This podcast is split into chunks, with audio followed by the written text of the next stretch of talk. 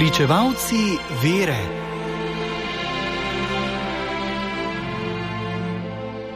Danes zgoduje sveta Juliana, okoli leta 305, mučenka v Nikomediji.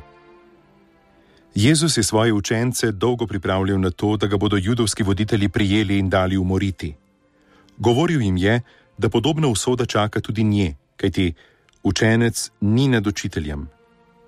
Nekoč jim je rekel: Pred oblastnike in kralje vas bodo vlačili zaradi mene, da boste pričevali pred njimi in pogani. Izdajal pa bo smrt brat brata in oče sina. Ta Jezusova napoved se je kar dobesedno uresničila v življenju današnje mučenke, ki jo je poganskim sodnikom izročil njen lastni oče. To je sveta Juliana iz Nikomedije, mesta v bližini Carigrada, ki se je s častjo spominjajo cerkveni koledarji na vzhodu in na zahodu.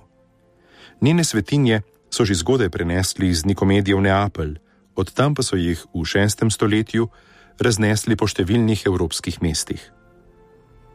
Krščanski starši so to svetnico radi izbirali za krstno zavetnico otrok, tako da je bilo ime Juliana zelo razširjeno po vsej Evropi.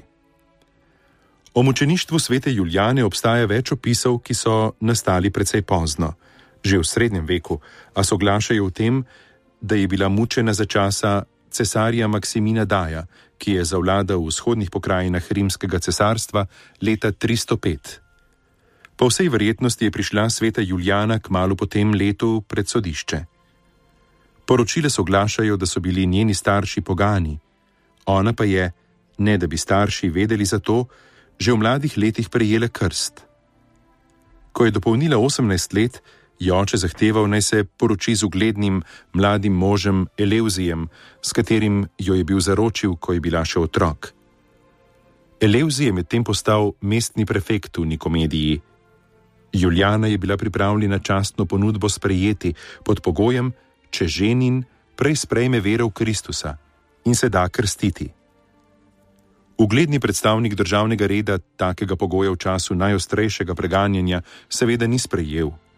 Očeta je nagovarjal naj hčerko spravi k pameti, dokler je še čas. Oče ni nič dosegal.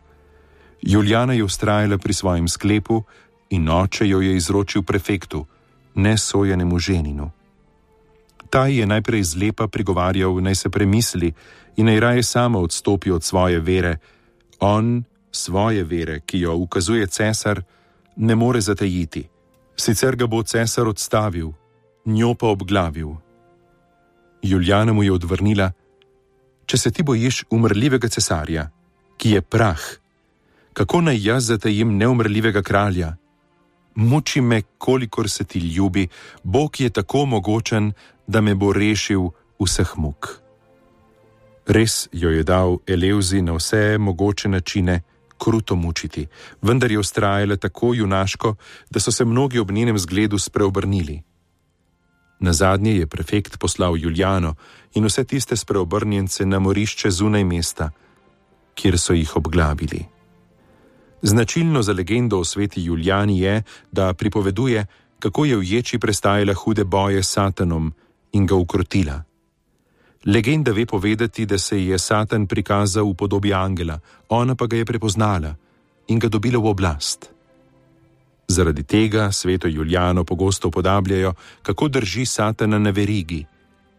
K sveti Juliani se zatekajo po pomoč porodnice, velja tudi za varuhinjo zoper nalezljive bolezni, je zavetnica bolnikov.